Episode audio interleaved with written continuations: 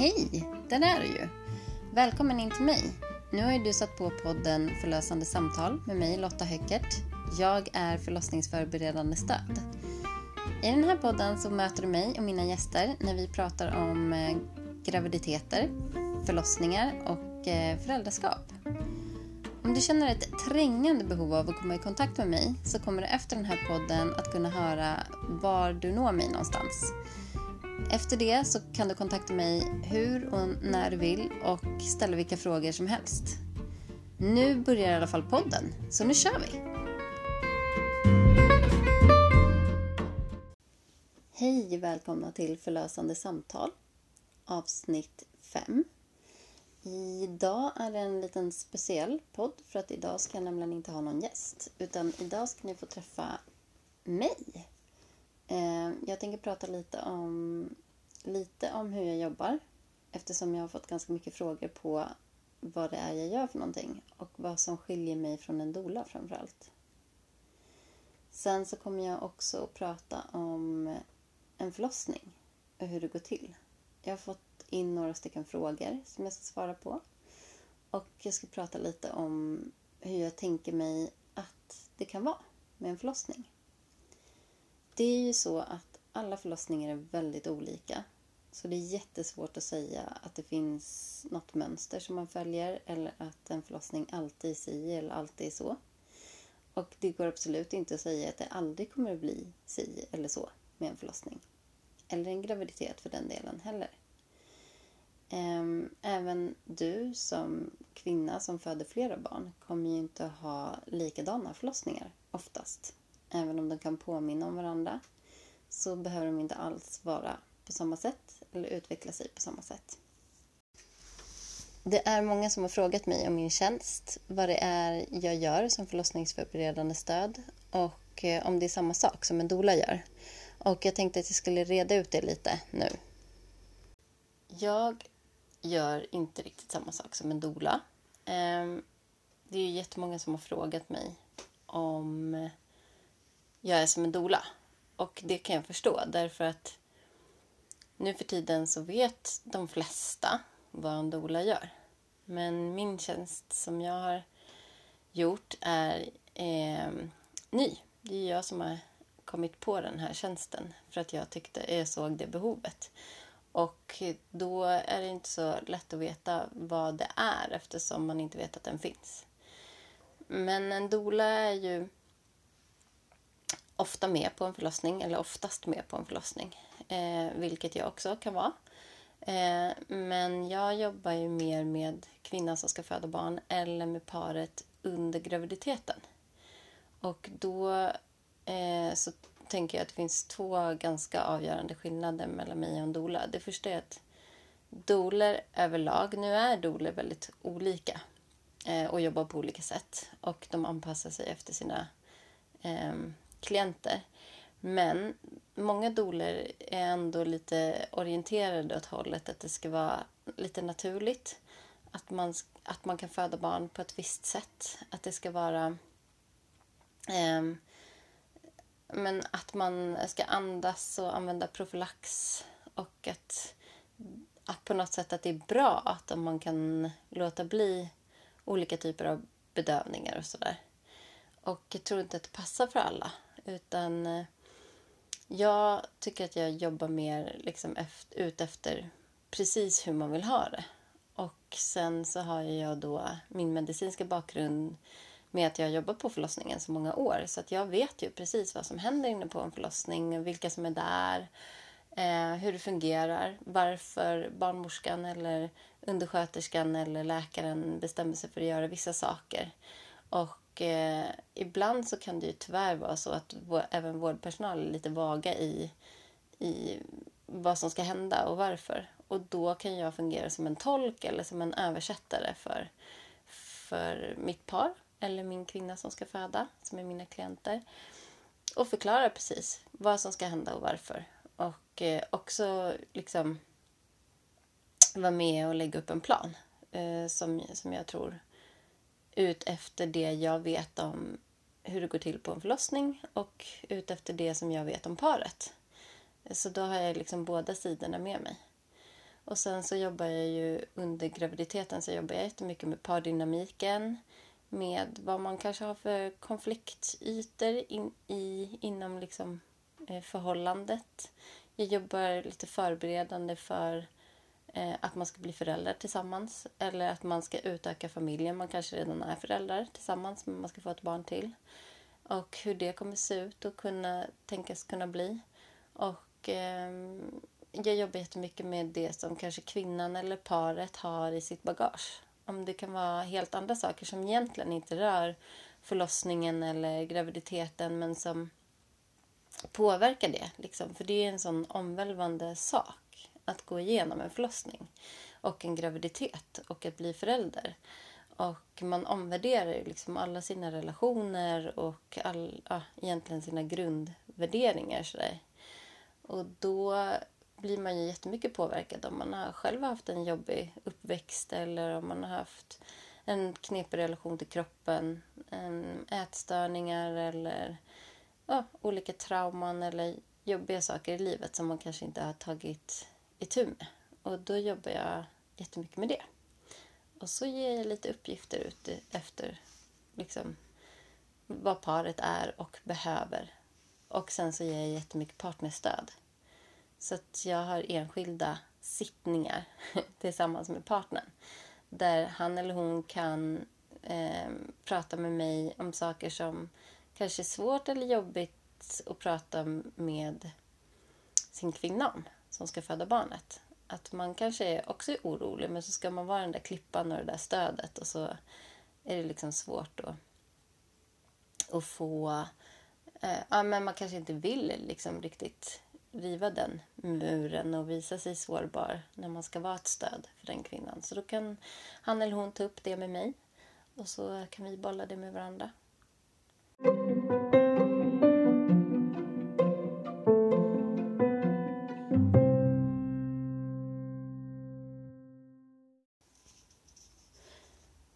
Fått in frågor från er, eh, både nu eh, när jag flaggade för att jag skulle göra det här avsnittet, men också eh, fortlöpande under mitt arbete som förlossningsförberedande stöd och som eh, förlossningsundersköterska.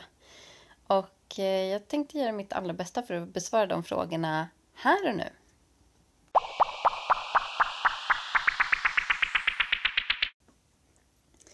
Det är ju så med en förlossning att man vet faktiskt inte riktigt vad det är som startar förlossningen. Om det är på indikation ifrån mamman eller om det är på indikation ifrån barnet. Vilket jag tycker är jättespännande såklart. Det kan ju vara en kombination att våra kroppar samarbetar med varandra och tycker att nu är det dags. Vi har pratat lite om det här förut med igångsättningar och man har pratat om att man kan prova olika sätt att starta igång en förlossning på. Jag tror att det liksom startar när kroppen på något sätt, eller bebisens kropp, är redo eller mogna för att köra tillsammans. Det som är ett avgörande hormon i en förlossningsprocess är oxytocin, som är må bra-hormonet som utsöndras i kvinnans kropp under en förlossning. Och då svarar hjärnan signaler på det och eh, skickar dem till livmodern att nu är det dags att börja jobba. Så livmodern drar ihop sig. Och så blir det som en positiv cirkel av det där att det skickas ut mer hormoner ju mer livmodern jobbar på. Och ju mer hormoner hjärnan får, desto mer jobbar livmodern. Oxytocinet är också det hormon som spelar in när eh, man ska amma och knyta an till barnet. Och det är också det hormonet som frisätts i kroppen när vi eh, mår bra tillsammans med andra personer än vårt, vårt barn. Till exempel en partner. När man får massage eller när man hånglar eller när man har sex eller bara när man blir berörd eh, fysiskt av andra personer. Oxytocinet eh, är lite intressant. Det verkar öka när det är mörkt. Så det kan vara en bra idé att släcka ner om man vill ha en förlossning som startar igång. Det är lite blygt hormon som frisätts i kroppen eh, när, när det kanske inte finns så mycket andra känslor och hormoner i omlopp. Så att det startar även på natten ganska ofta. Och ganska ofta så startar förlossningen på natten när man är liksom avslappnad i kroppen och det är mörkt. Och ja, man inte har så mycket andra tankar. Så att eh, lite mörker och lite beröring och lite må bra överhuvudtaget. Um, god mat eller goda vänner, mycket skratt, tända ljus, mm, goda dofter, ett bad, ett varmt bad eller så kan utsöndra oxytocin. Eller att du luktar på dina större barns huvuden brukar också utlösa mycket oxytocin i kroppen. Så det kan vara tips för att, starta igång en förlossning lite grann på naturlig väg om man skulle vilja det. Så får man ju bara hoppas att det är så moget i alla fall så att det vill dra igång. För jag tror att det krävs lite mer än bara oxytocin.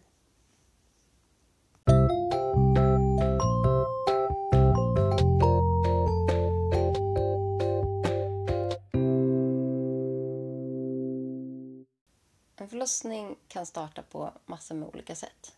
Och det är också sådär svårt att säga hur det kommer att bli. Men det är oftast något av följande sätt i alla fall. Och det är ju antingen att vattnet går. Ehm, man brukar inte missa när vattnet går. Ibland så kan man till och med höra hur det klickar till i magen. Och eh, så, så känner man att vattnet rinner. I, ibland så sker det när man eh, sover i sängen och vaknar och känner att man är liksom blöt. Um, ibland så kommer det inte så mycket vatten. Ibland kommer det jättemycket vatten. Men Mm, man brukar oftast inte missa när vattnet går. Det som däremot kan hända är att man tror att vattnet har gått fast det inte är så. Men eh, när vattnet väl går så brukar man liksom ändå ha ganska bra koll på det. För sen så fortsätter ju vattnet att sippra ända tills bebisen kommer ut egentligen. Så eh, när man får en verk eller när man rör på sig till exempel så kan vattnet liksom fortsätta smårinna eh, hela tiden. Ehm, så även om det inte kommer så mycket på en gång. Så vattnet kan gå. Eller så kan det börja med en verkstart. Att man får kanske som en molande mensvärk som som sitter i ett tag och sen så blir det liksom som sammandragningar som blir tätare och tätare och starkare och starkare eller liksom som ändrar karaktär på något sätt eller så håller de på sådär ett tag. Ehm, slemproppen som man pratar om kan ju gå, det ser man som en lite slem som antingen kommer ganska mycket på en gång eller kommer lite i taget eller som det är lite så här, det kan vara lite blodblandat, lite färskt blod i lite granna. Och det kan ju hålla på kanske till och med några dagar innan eller några timmar innan någonting händer. Um, och det kan också börja i samband med tillsammans med att man liksom får lite verkar eller sådär. Eller ett tag innan vattnet går och så. Um, och sen så ibland så kan man faktiskt förlossningen starta med en blödning. Det kan vara en liten blödning eller en stor blödning.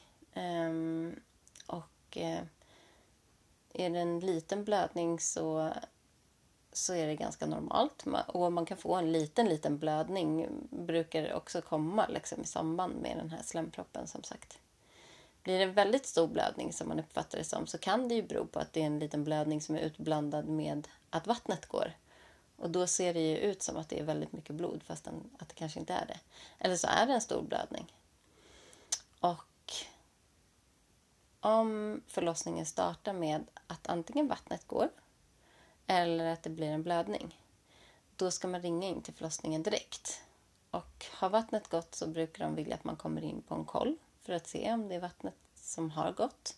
Är fostervattnet klart till färgen, då kan man vänta ett tag då är det inte så bråttom. Då brukar man liksom kunna vänta ett par timmar. Om vattnet går på natten till exempel.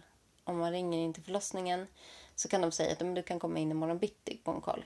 Och om det händer någonting annat under tiden så får du ringa tillbaka igen. Men om fostervattnet är lite färgat, lite grönbrunt sådär, då brukar man vilja att man kommer in på en koll. Och det brukar inte vara bråttom så att man behöver ta ambulans in eller kastas in. Men att man bara kommer in på en gång och kollar läget. Och samma sak med en blödning. Att då sätter man sig och åker in, kommer in. Har man ont, väldigt ont eller känner liksom väldigt annorlunda, någonting känns väldigt konstigt i samband med att man har en blödning så ska man ju alltid åka in till förlossningen. När vattnet går så är det ju sällan som det är sådär som det är på amerikanska filmer. Att vattnet går, man måste kasta sig in i en taxi, åka till sjukhuset på en gång. Eller en ambulans eller så här. Det är ju många partners som är oroliga för att de inte ska hinna. Tänk om jag är någon annanstans när, på jobbet så här, när vattnet går. Och hur ska jag hinna hem och vem ska ta med sig BB-väskan? Och, ja, så. Så ser det inte ut, utan att om vattnet går efter många timmars verkarbete, då kanske det kan gå lite fort. Det är inte heller det vanligaste, men då har man i alla fall liksom haft eh, många timmars verkar bakom sig. Eh, om, om det ska gå lite fort. Men går vattnet bara sådär utan verkar, då kommer det nästan garanterat gå, ta väldigt lång tid. Man ska aldrig säga aldrig, men min gissning är att det kommer inte gå fort.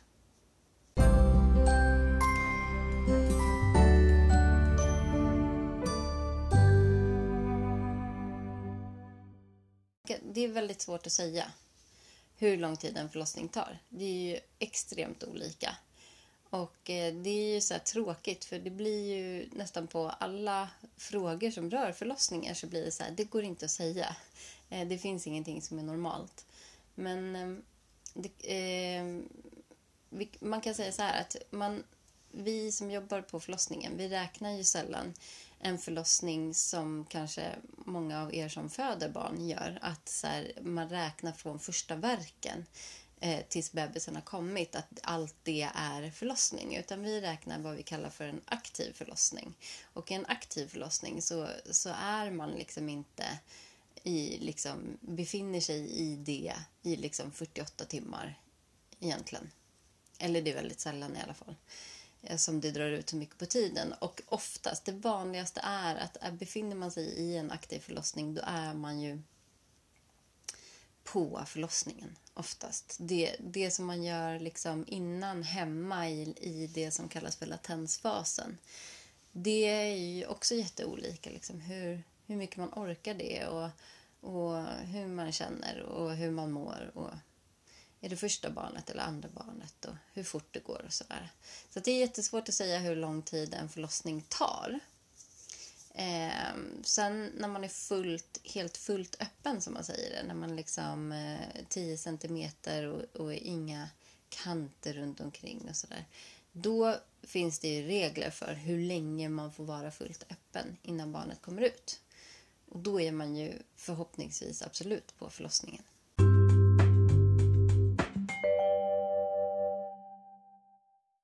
Det första som händer när du kommer in på en förlossning är ju att du blir mottagen av antingen en undersköterska, som ju jag är, eller en eh, barnmorska.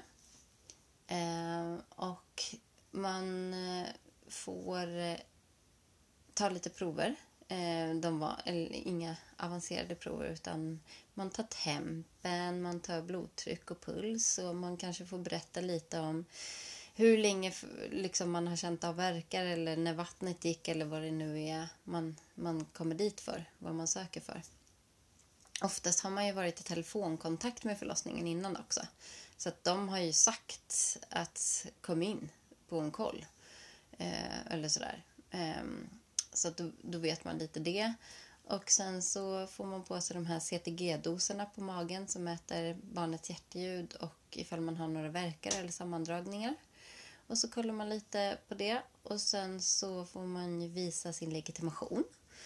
Och sen så blir man, när man har legat i de här CTG som vi kallar för CTG-kurvan ett tag, så att man har fått se liksom fortlöpande 20 minuter ungefär, 20 minuter, en halvtimme på den här kurvan, då kommer en barnmorska in och undersöker för att se hur, vad, som, vad man befinner sig, hur mycket öppen man är och eh, var, eh, ja, ifall det är dags för en förlossning. Och sen efter, ut efter det så lägger man upp den fortsatta planen helt enkelt. Om man ska stanna kvar, om man ska gå hem eller hur, hur det kommer att se ut. En CTG-apparat är två doser som ser ut som hockeypuckar som man fäster på magen. Varav den ena mäter bebisens hjärtljud och den andra mäter om man har några verkar eller sammandragningar. Och sen så kommer allt det här in på en skärm och, och eller på ett papper som skrivs ut. Så då får man se liksom eh, som en sinuskurva ungefär. Och den andra då som mäter verkarna eh, är ju också en typ av kurva.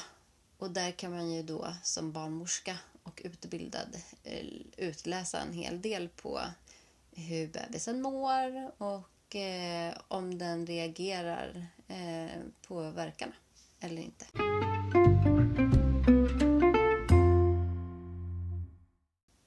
Om det är så att du kommer in till förlossningen på grund av att du ska bli igångsatt så är det lite andra spelregler som gäller. För då är det ju oftast inte så att det har eh, startat liksom, med någon typ av förlossning innan. Oftast inte. Ehm, det finns eh, olika skäl till varför man blir igångsatt och det är alltid en läkare som har beslutat om att du ska bli igångsatt eller inte. Då när du kommer in till förlossningen för, för att du har en tid för att bli igångsatt då är det en läkare eller en barnmorska som undersöker dig när du kommer in och utifrån då säger vi hur moget det är. Alltså, eh, man liksom, det finns olika mätningar för att bedöma hur, om kroppen har startat igång en förlossning, någonting överhuvudtaget. Eller om det är liksom helt omoget, att, att kroppen inte är igång alls. Och utifrån det så kan man välja olika typer av igångsättningsmetoder. Den vanligaste typen som man använder för igångsättning när man är överburen, när man har gått över tiden, då kanske man ofta är det så att man kanske inte är så himla mycket igång av sig självt. Så att man behöver liksom helt kicka igång kroppen från början. Då får man ett läkemedel som heter Cytotec och som är en tablett som löses upp i vatten som egentligen inte ska lösas upp i vatten. Den smakar inte så mycket men den är lite grusig som att man försöker lösa upp en så vanlig Alvedon-tablett typ i vatten. Eh, och då får man den i en spruta i munnen liksom som man bara tar eh, en liten shot och eh, den kan man ta åtta stycken varannan timme. Och ibland så startar ju förlossningen igång och man liksom känner av verkar och, och så efter en dos eller efter tre doser. Och ibland så behövs det alla åtta om man kanske inte känner någonting alls. Och då får man bestämma hur man ska gå vidare. Det finns lite andra sätt. Det finns en gel som man kan eh, använda sig av som ska öppna upp och mjuka upp lite där inne. Eh, och det finns en ballong, eller som en kateterballong som man blåser upp i, i eh, cervix som ska liksom öppna upp och så går vi och drar lite i den där då och då. Och när den lossnar, då räknar man med att man är öppen ungefär 4 centimeter. Så det är som en, som en ballong som ska spärra upp, liksom, eller hjälpa till att öppna upp. Um, och sen om man är lite mer igång och det har liksom hänt lite saker och man är lite så kallat mognare då, då kan man använda sig av verkförstärkande dropp som egentligen är oxytocin, hormonet som, som vi har naturligt i kroppen under en förlossning men som, som är den syntetiska formen då. Eller så kan man prova att ta hål på hinnorna, alltså låta vattnet gå om, om det är läge för det.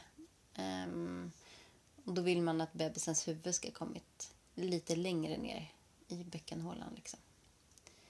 Uh, och det brukar också kunna hjälpa till för att liksom få fart på förlossningen. För det i sig frisätter oxytocin i kroppen.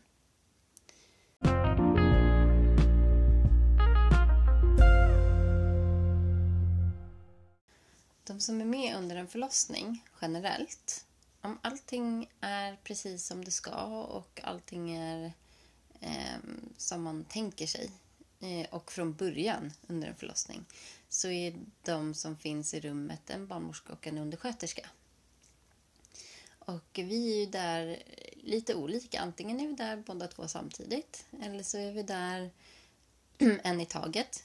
Och under långa stunder om det är liksom en latensfas eller att man liksom inte är riktigt nära en förlossning och känner sig okej och trygg med det så kanske vi inte är där alls. Utan då kanske ni är själva på rummet och så vet ni att man kan ringa på knappen så kommer någon av oss. Och eh, det där kan man styra ganska mycket själv. En del har ju liksom till exempel vid en igångsättning eller en lång förlossning, en lång latensfas och sådär. Eh, liksom behov av att kanske sova och äta eller bara ligga och mysa tillsammans, kolla på någon film eller äta godis och sådär. Då behöver ju inte vi vara där. Och, och om man liksom inte känner något väldigt behov av det. Och eh, ibland så blir det ju att man... Att vi kommer ju in och gör saker, kollar, sätter på de här CTG-doserna ibland då och då och kör en sån där kurva. Eller bara lyssnar lite grann på barnets hjärtljud emellanåt. Eller eh, ja, men om man har något dropp som går eller någonting så. Alltså vi kommer ju in och kollar då och då. Och sen så får man ju alltid ringa på knappen om det är någonting. Eh, men då är det barnmorskan och undersköterskan som är där generellt. Och det är de som ska vara där under en, hela förlossningen. Sen så kan det ju vara lite specialfall ibland. Om man har någon medicinsk sjukdom eller åkomma eller om det är en, en, någonting som avviker från en helt vanlig förlossning. Att man kanske ska föda ett barn i säte. Då är det andra personer där. Då är det ju läkare där och det är eh, läkarna, våra läkare som finns på förlossningen och på hela kvinnokliniken, de är obstetriker och eh, gynekologer. Och de finns ju alltid hos oss. Det är ju alltid de som har det yttersta ansvaret för en förlossning egentligen. Sen så är det lite olika hur mycket barnmorskan behöver fråga läkarna om råd eller om, om lov. Men om det är att man ska sätta in någon typ av medicin eller penicillin under förlossningen eller någonting så, så är det alltid en läkare som har tagit beslutet om det. Och det är alltid en läkare som kommer in och syr bristningar som kanske är lite svårare att sy eller som är lite mer komplicerade eller ja, de kan komma in och också bara bedöma åt barnmorskan om hon behöver fråga om råd. Så de finns alltid i, i bakgrunden men eh, det är inte alltid de kommer in behöver hälsa.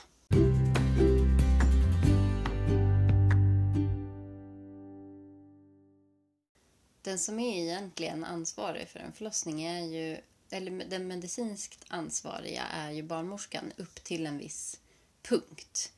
Sen, hon får ju ta mycket beslut själv, barnmorskan, men, men upp till en viss punkt. Och sen så när det är liksom lite större medicinska beslut eller till exempel när det gäller den som bestämmer om en igångsättning eller om man ska gå på kejsarsnitt till exempel. Det är ju våra läkare då, Ehm, Sen finns det två andra typer av läkare som man kan stöta på på en förlossning också. Den ena är narkosläkaren. Det är de som kommer och lägger eh, ryggbedövningarna eller edan eller epiduralen. Det är samma namn för eh, tre olika namn för samma sak. Ehm, så de kommer in på förlossningsrummet och lägger en, en ryggbedövning på den som önskar det. Och eh, de är även med vid operationer och eh, alltså akuta kejsarsnitt och planerade kejsarsnitt för all del. Och även om det är så att man till exempel att moderkakan fastnar efteråt och inte riktigt vill komma ut efter förlossningen. Och man måste gå upp på en vad vi kallar för manuell placentalösning där man alltså plockar bort moderkakan på operation. Då är, det, då är narkosläkarna där och sätter eh, bedövningar och sådär. Eh, och så är ju också våra, det är våra läkare som utför själva ingreppet, då, våra obstetriker och gynekologer. Och sen så finns det ju då barnläkare som hänger på huset som håller sig ofta på neonatalen dit bebisarna får komma om de kanske sjuka eller lite tagna mer än vanligt liksom, efter förlossningen eller om man vet att de har någon slags sjukdom eh, innan. Att om de är prematura, att de är för tidigt födda och sådär. Um, och, och sen så har vi också i liksom kvinnoklinikens, den delen av sjukhuset, så finns ju även Saxka och akuten och så. Så att kvinnor och barn är på samma del och där hänger liksom barnläkarna. Så att om man vet om att det är ett barn som kommer födas för tidigt eller man vet om att, eller tror att ett barn kanske inte mår jättebra på väg ut ur magen. Eller om man kanske lägger en sugklocka som är lite jobbig eller sådär. Och även inne på operationssalen där man gör akuta snitt och så. Då kommer alltid barnläkarteamet dit. De är alltid underrättade om att det här kommer ske nu. Och då kommer de dit och, och tar sig en koll på barnet alldeles oavsett egentligen om det behövs eller inte. Ibland är ju barnen så pass pigga och friska i alla fall så då behövs inte de vara kvar särskilt länge. Men det är de tre läkartyperna som man kan springa på på en förlossning. Det första man ska ju veta när bebisen väl kommer ut, det är ju också, apropå så här amerikanska filmer, och det här med att vattnet går och man kastar sig in i en taxi, det är en del av en amerikansk film. En annan del är att bebisen ska komma ut och vara så här rosa och skrika och må bra liksom.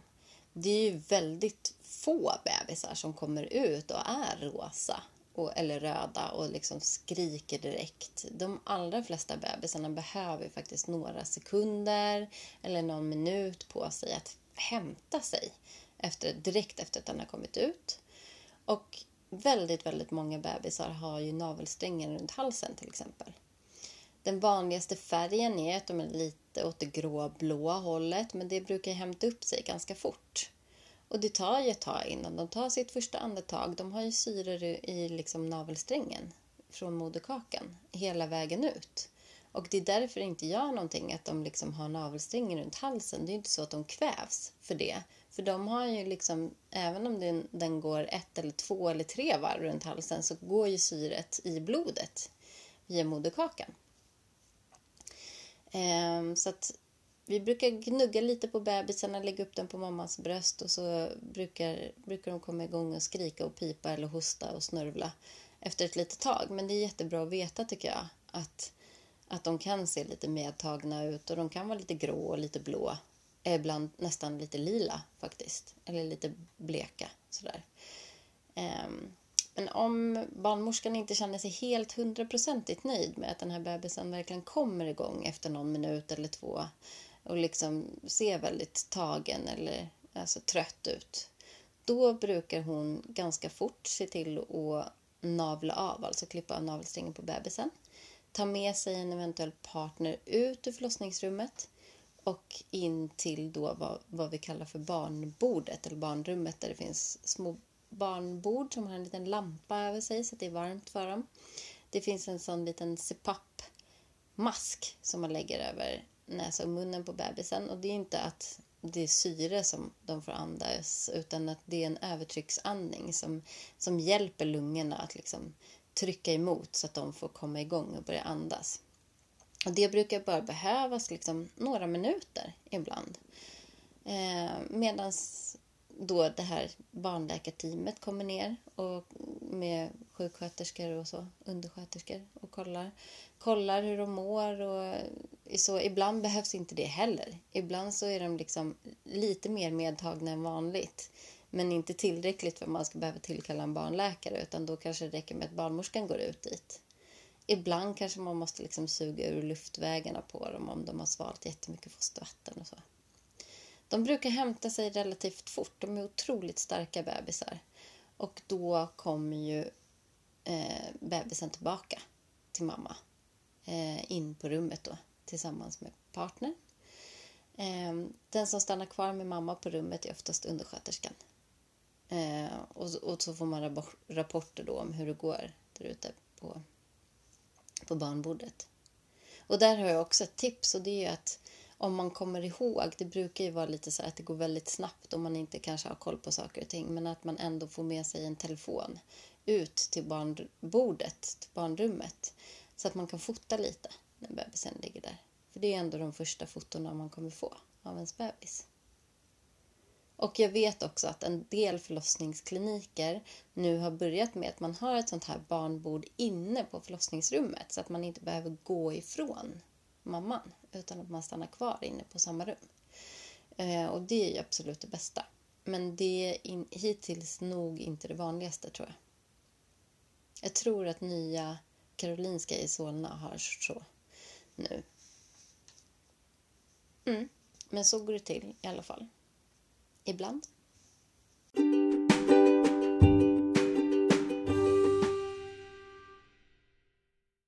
När barnet har fötts, ehm, efter förlossningen så brukar man generellt säga direkt att bebisen får komma upp på mammas bröst om allting är normalt och som det ska.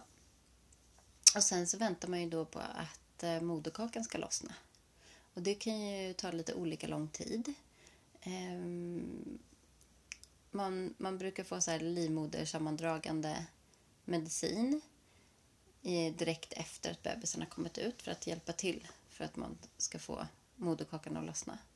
Ehm, men det kan verkligen ta... En del kommer moderkakorna nästan direkt efter. Det är inte jättevanligt, men det kan vara så. Och annars brukar det vara sådär 5-10 minuter, en kvart kanske, ibland. Ehm, innan den kommer ut. När den har kommit ut så klipper man navelsträngen på bebisen. Och barnmorskan kollar så att moderkakan är okej. Att den är hel och fullständig så att det inte sitter kvar någon bit i. Liksom. Och sen så um, brukar barnmorskan då kolla efter i underlivet och se om man har någon bristning, om, om det är någonting som behöver sys eller hur det ser ut. Ehm, och är det så att det behövs sys någonting, vilket det nästan alltid är, någonting litet i alla fall, då brukar man få en bra bedövning. Ehm, två, två sprutor Kanske inte jätteskönt, men ibland så är man lite bedövad innan också med en ryggbedövning till exempel. Ehm, och det går ganska fort och det är en väldigt bra bedövning som ska göra att det inte känns med de här eh, när man syr då. Då lägger man upp i en sån här gynposition. Så man ligger där med bebisen på bröstet hela tiden och så blir man bedövad och sen så får man liksom ligga i sån, vad vi kallar för kortbädd. Man tar bort liksom bendelen på sängen och så, så lägger man upp dem i benstöd och så sitter barnmorskan där och syr. Eller då kanske en läkare om, om man tycker att det är svårt. Ibland så är det inte så stora bristningar som gör att det blir svårt. Ibland kan det vara att det är lite svårt att se. Att man kanske behöver vara två, att det sitter lite längre in. Eller att det är en, att det är en lättblödande, att det kanske är något kärl som har gått sönder lite grann. Alltså att man behöver liksom torka mycket hela tiden så att det, tar, att det är krångligare att sy helt enkelt. Eh, det behöver inte betyda att det är en stor bristning bara för det. Men då syr barnmorskan i alla fall och då brukar undersköterskan gå omkring och plocka lite i rummet och så där, se till att man har det bra så länge. Och sen efter det då så ska man förhoppningsvis få sin, den omtalade fikabrickan. Och få vara så mycket själva som möjligt så att man får mysa in sig som familj. Fika, ta det lugnt, återhämta sig, ligga med bebisen på bröstet, eh, försöka liksom lägga in beställningen för en amning som ska funka sen om några dagar. Eh, känna på varandra och bara mysa och fira lite grann. Och sen ungefär två timmar efter att bebisen har fötts så brukar man mäta och väga bebisen. Kolla att den är okej. Okay. Mamma brukar få försöka komma upp och gå på toaletten, kissa lite och man tar lite blodtryck och tempopuls och kollar liksom så att allting är okej. Okay.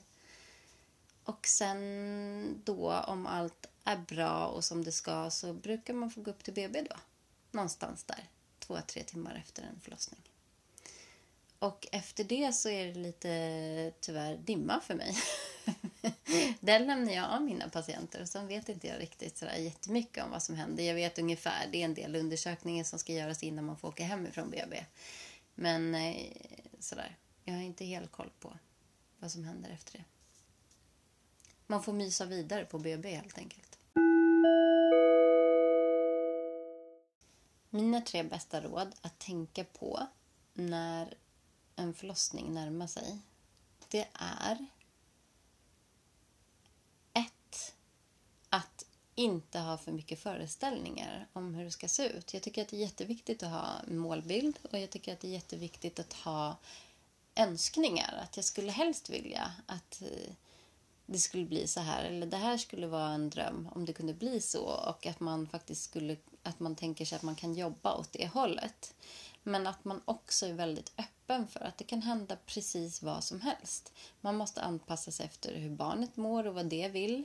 Eh, på vägen ut och man måste anpassa sig efter vad, liksom, vad ens egen kropp, hur den funkar och hur den vill. Och man, man kanske inte styr så himla mycket över saker och ting. Så att mitt bästa tips är att bara inte ha så, vara så fast besluten om alla detaljer och hur man vill att det ska vara och förlossningsställningar och liksom att man kanske ska så bada och dansa och dricka godis eller dricka dricka gott och äta gott och så. Utan att man, ibland så kanske förlossningen går så himla fort. Då hinner man ju inte med någonting av det där. Och då känner man sig kanske lite snuvad.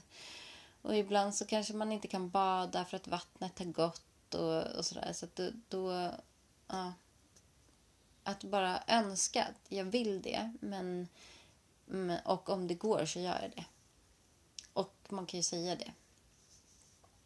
Och nummer två är att vara det är lite på samma tema, att vara förberedd på att vad som helst kan hända. Men att man, om man är ett par, att man är ihoppratade om att om det här händer Eh, så vill, så vill jag att du gör så här eller säger så här. Eller liksom att man är, är beredda på varandras saker.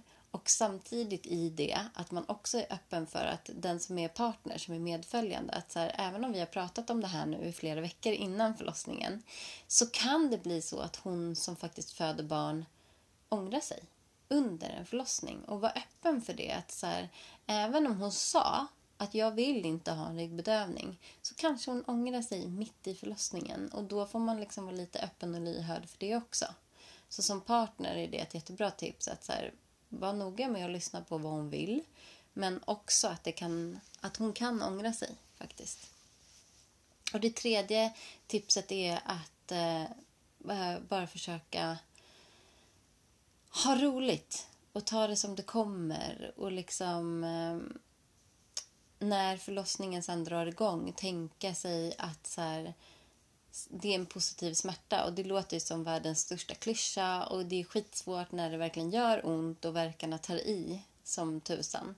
Men, men det är ju kroppens naturliga försvar, att när man har ont i kroppen att, att man spänner sig och att man blir lite nervös och att det skickas smärtsignaler till hjärnan som kroppen svarar på att det här är liksom inte naturligt och inte bra.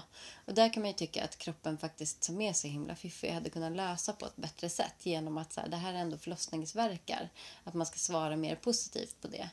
Men det kanske man inte alltid gör, eh, i alla fall nu för tiden. Så där får man vara med och tala om för hjärnan att så här, det är inte farligt. Det är bra. Det är positivt. Och för varje verk som har gått så är det en verk närmare bebis. Man vet inte hur många verkar man har. Men man vet att det var i alla fall, där var en verk mindre.